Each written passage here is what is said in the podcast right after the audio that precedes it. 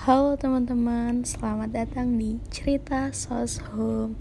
Nah, di part kedua ini kita masih ngebahas mengenai pelajaran sejarah kelas 10 semester pertama bab pertama.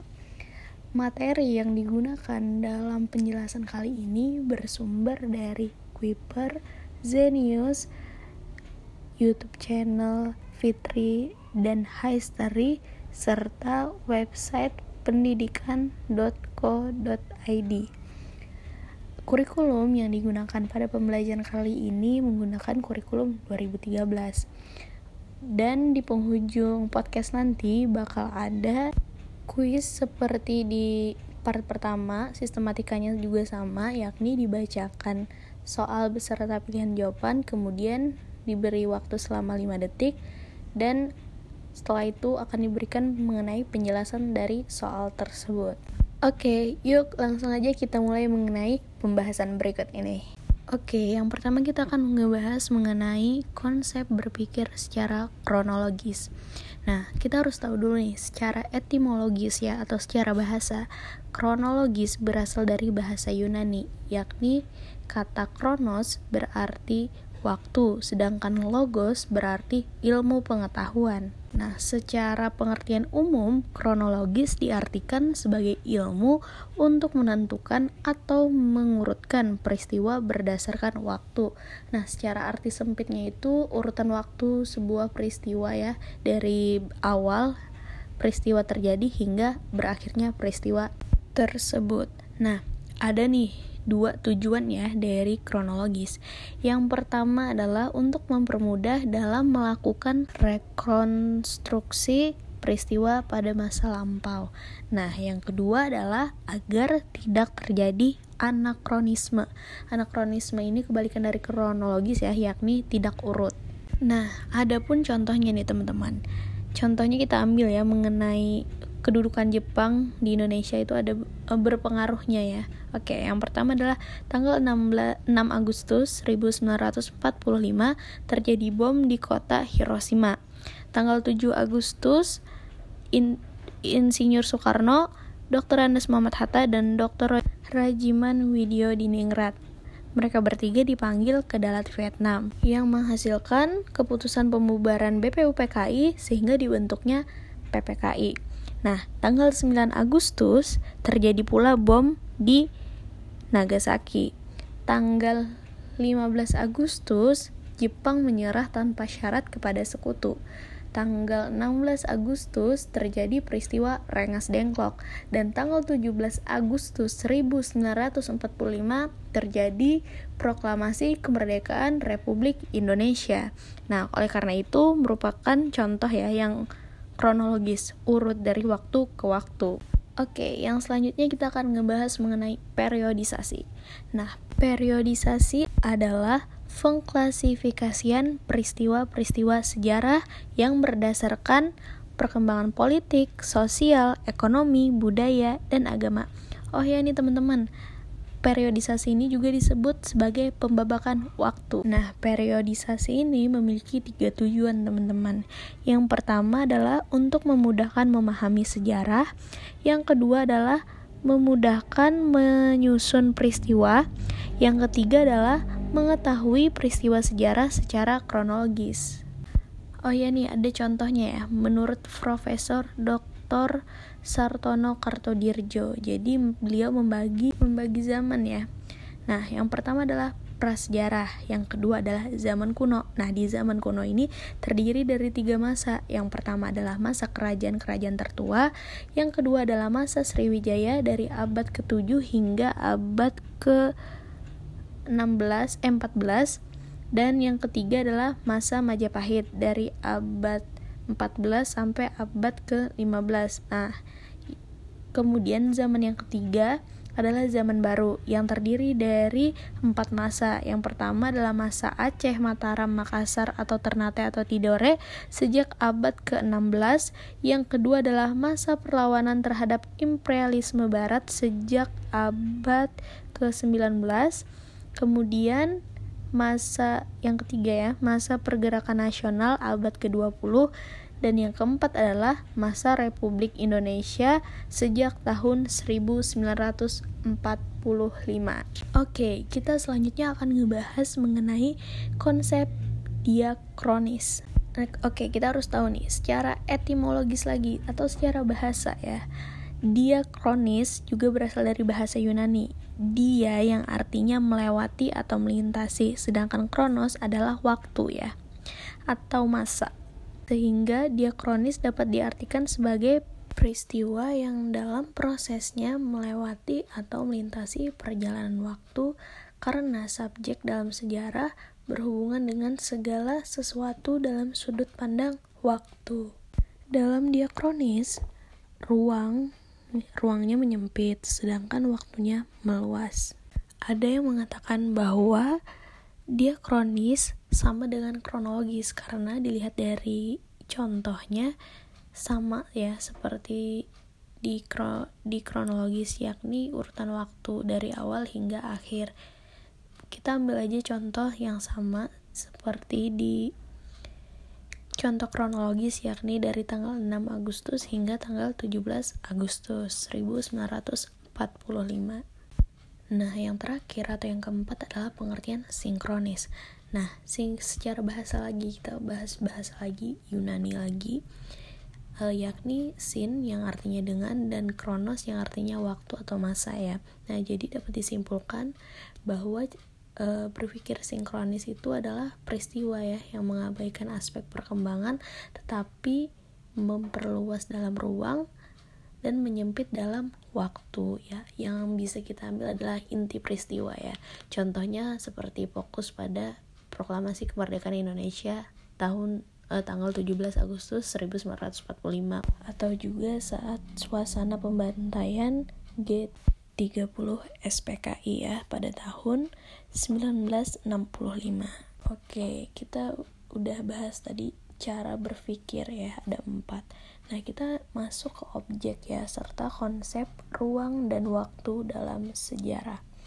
Nah kita harus tahu nih objek sejarah itu ada apa aja jadi objek sejarah itu ada tiga teman-teman yang pertama manusia kedua adalah ruang ya atau tempat atau yang disebut dengan spasial yang ketiga adalah waktu atau kapan terjadinya atau yang disebut dengan temporal oke yang pertama kita akan ngebahas mengenai manusia dulu ya sebagai objek dalam sejarah nah Kenapa manusia dikatakan sebagai objek? Karena manusia memiliki komponen ya atau tindakan yakni yang dipikirkan, yang dilakukan dan yang diucapkan. Yang kedua adalah konsep ruang dalam sejarah ya atau spasial tadi. Nah, kenapa dikatakan ruang ini cukup penting karena sebagai tempat terjadinya sebuah peristiwa ya. Contohnya uh, misalnya revolusi di 10 November 1945 terjadinya di Surabaya Medan area terjadinya di Medan terus revolusi di kota Bandung atau Bandung Lautan Api terjadinya di Bandung seperti itu Nah, yang ketiga adalah konsep waktu ya dalam sejarah atau temporal. Waktu ini sangat penting ya, karena kita harus tahu kapan terjadinya peristiwa tersebut. Nah, ada pendapat para ahli ya yang mengatakan bahwa ada empat hal yang terkandung dalam waktu. Yang pertama adalah perkembangan. Nah, perkembangan ini maksudnya adalah e, masyarakat ya yang bergerak dari suatu bentuk-bentuk lain. Misalnya yang awalnya dari desa menuju kota, e, awalnya suatu desa kecil kemudian berkembang menjadi kota besar atau metropolitan seperti itu. Nah, yang kedua adalah kesinambungan. Kesinambungan ini biasanya baru terjadi jika ada adopsi lembaga ya. Contohnya nih, seperti pola penarikan upeti ya pada masa pendudukan Belanda yang sebelumnya sudah dilakukan oleh para bupati. Nah, yang ketiga adalah pengulangan. Nah, maksud dari pengulangan adalah peristiwa yang pernah terjadi di masa lalu lalu terulang kembali. E, misalnya munculnya kaum pemodal investor ya pada abad ke-19 menimbulkan kesengsaraan dan protes sosial. Nah, zaman sekarang juga seperti itu, menimbulkan kesengsaraan dan protes sosial juga karena menyebabkan kerusakan lingkungan. Nah, yang keempat adalah perubahan. Perubahan ini maksudnya masyarakat mengalami pergeseran ya dari segala segi ya dengan waktu yang relatif singkat. Nah, contohnya adalah pergerakan nasionalisme ya di Indonesia peristiwa Sumpah Pemuda ya yang awalnya dari perwakilan tiap suku atau ya suku ya kemudian menjadi gerakan yang besar lahir partai-partai seperti itu Oke, karena kita udah ngebahas mengenai objek, kita akan membahas mengenai konsep perubahan berkelanjutan. Oke, nah di setiap proses perubahan itu pasti ada proses yang berlanjut atau kontinuitas dan ada proses yang tidak berlanjut atau diskontinuitas. Ini berhubungan dengan ciri-ciri sejarah ya. Ada tiga kan, unik, penting, dan abadi. Oke, contohnya kontinuitas ya atau berkelanjutan. Misalnya nih, perang kedua ya pada tahun 1939 sampai 1945 awalnya pasti terjadinya perang dunia pertama ya pada tahun 1914 sampai 1918 kan konsep ini berulang dengan pola yang sama tetapi objeknya pasti berubah ya kan? Beda kan antara perang pertama dan kedua karena manusia ya dikatakan sebagai pelaku sejarah dalam konsep keberlanjutan ini jadi berhubungan dengan aktivitas yang dilakukan oleh manusia. Nah aktivitas manusia ini pasti bertimbal balik ya dengan hubungan alam. Nah makanya yang di sini disebutkan bahwa konsep keberlanjutan ya harus melihat gitu.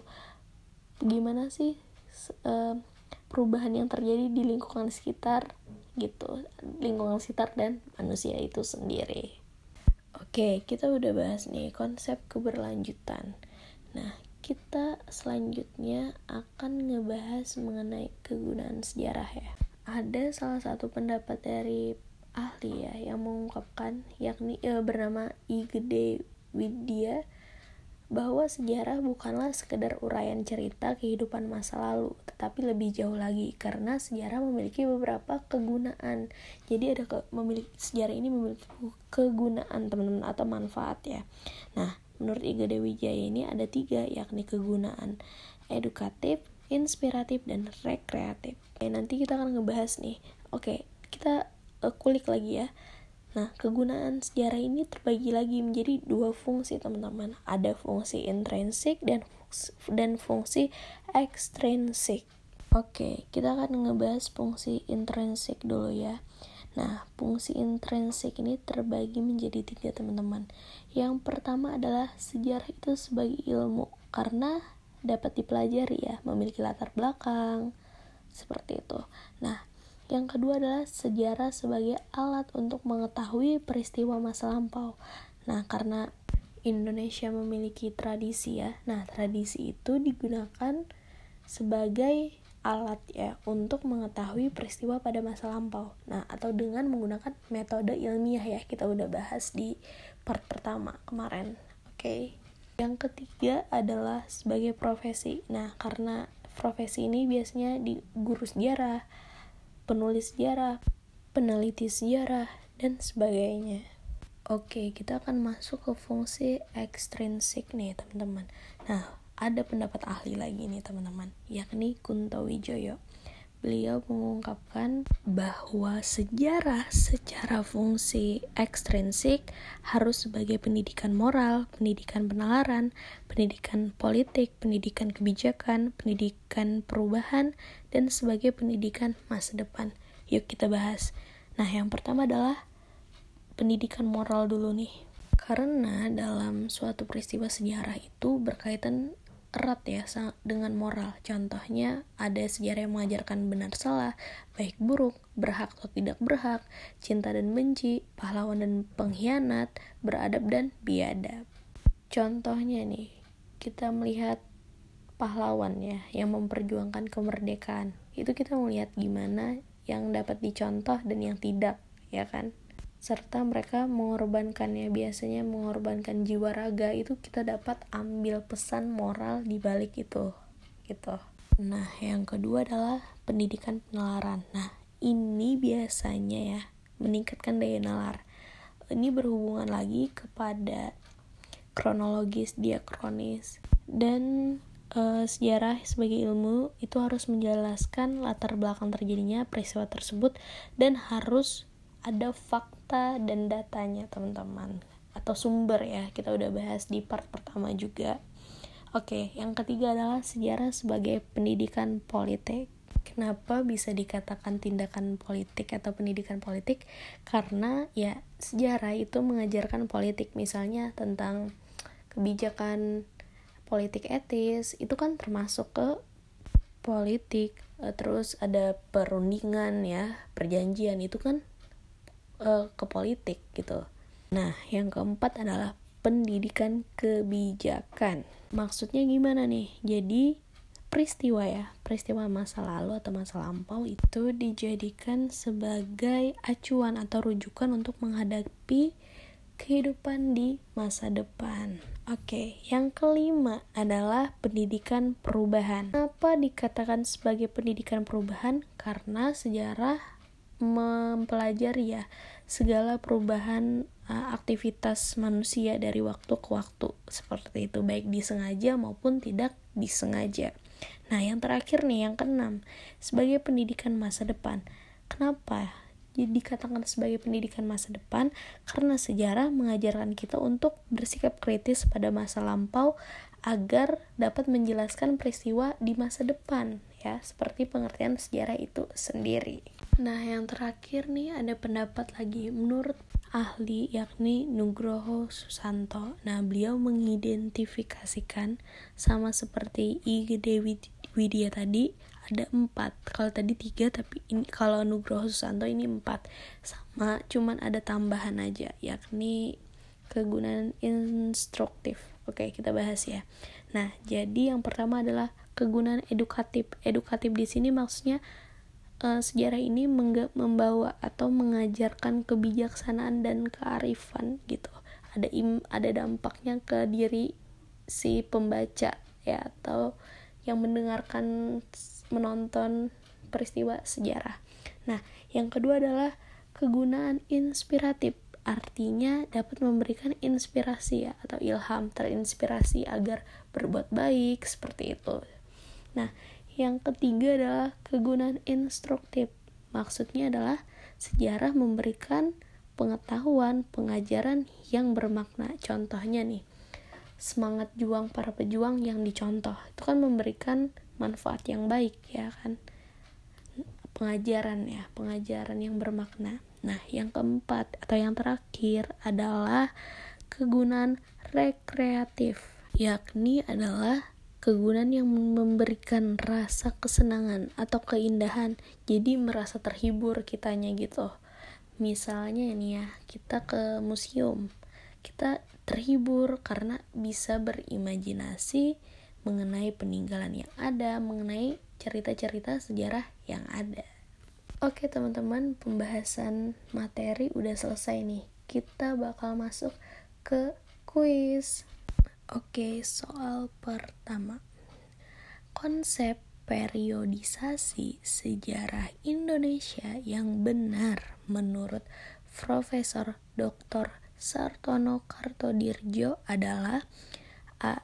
Zaman prasejarah, zaman kuno, zaman baru B. Zaman Hindia Belanda, zaman Jepang, zaman kemerdekaan, zaman Orde Baru, zaman Orde Lama, dan zaman reformasi.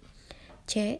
Zaman praaksara, zaman Hindu-Buddha, zaman Islam, zaman Belanda, zaman D. Zaman Asia Tenggara, zaman bangsa Barat, zaman VOC, zaman merdeka. E. Zaman prasejarah, zaman protosejarah, zaman nasional, dan zaman internasional. Oke, satu, dua, tiga, empat, lima. Nah, jawabannya adalah yang A. Zaman prasejarah, zaman kuno, dan zaman baru. Tadi udah dijelasin di materi ya, teman-teman. Oke, soal yang kedua. Peristiwa sejarah proklamasi kemerdekaan Indonesia yang dikumandangkan oleh Insinyur Soekarno di Jalan Pegangsaan Timur nomor 56, Jakarta pada 17 Agustus 1945 adalah awal perjalanan bangsa Indonesia menjadi negara merdeka. Dari pernyataan tersebut, yang merupakan ruang sebagai objek sejarah adalah A. 17 Agustus 1945 B. Insinyur Soekarno C. Jalan Pegangsaan Timur nomor 56 Jakarta D. Jalan Pegangsaan Timur nomor 56 Jakarta pada 17 Agustus 1945 dan E adalah peristiwa sejarah proklamasi kemerdekaan Indonesia. 1 2 3 4 5. Jawabannya adalah C, yakni Jalan Pegangsaan Timur nomor 56 Jakarta. Ruang ya, tempat. Tempatnya di Jalan Pegangsaan Timur. Oke. Soal nomor 3. Perang Dunia Pertama adalah peristiwa sejarah yang diawali dengan terbunuhnya Pangeran Austria Franz Ferdinand oleh Gabriel Principal di Sarajevo pada 28 Juni 1914. Berdasarkan pernyataan tersebut, unsur waktu adalah A. 28 Juni 1914 B. Gabriel Principal C. Pangeran Austria Franz Ferdinand D. Sarajevo E. Pembunuhan Pangeran Austria 1 2 3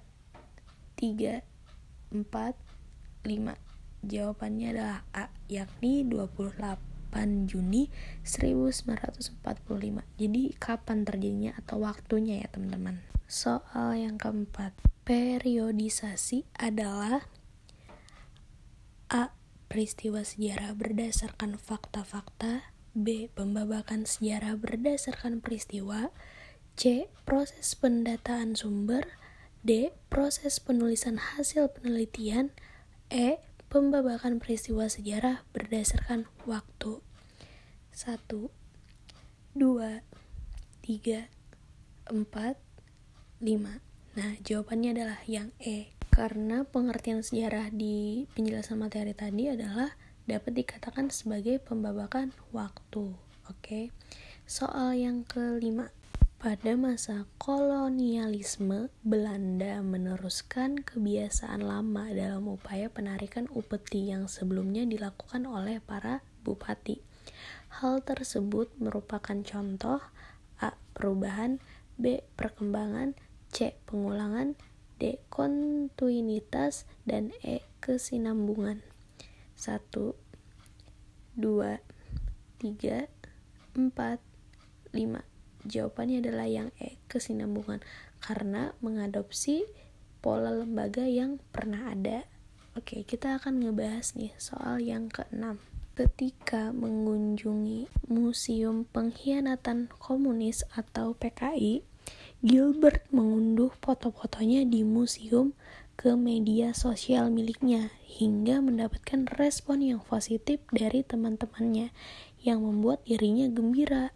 Fungsi sejarah pada cerita tersebut adalah A. Fungsi inspiratif B. Fungsi rekreatif C. Fungsi sejarah sebagai pendidikan moral D. Fungsi edukatif dan E. Fungsi instruktif 1 2 3 4 5 Jawabannya adalah B, fungsi rekreatif. Karena di fungsi rekreatif itu kita merasa terhibur, gembira karena dapat mengimajinasikan mengenai peristiwa atau benda-benda yang ada di museum itu. Oke, terima kasih udah dengerin podcast ini. Semoga bermanfaat. Sampai ketemu di episode selanjutnya. Bye bye.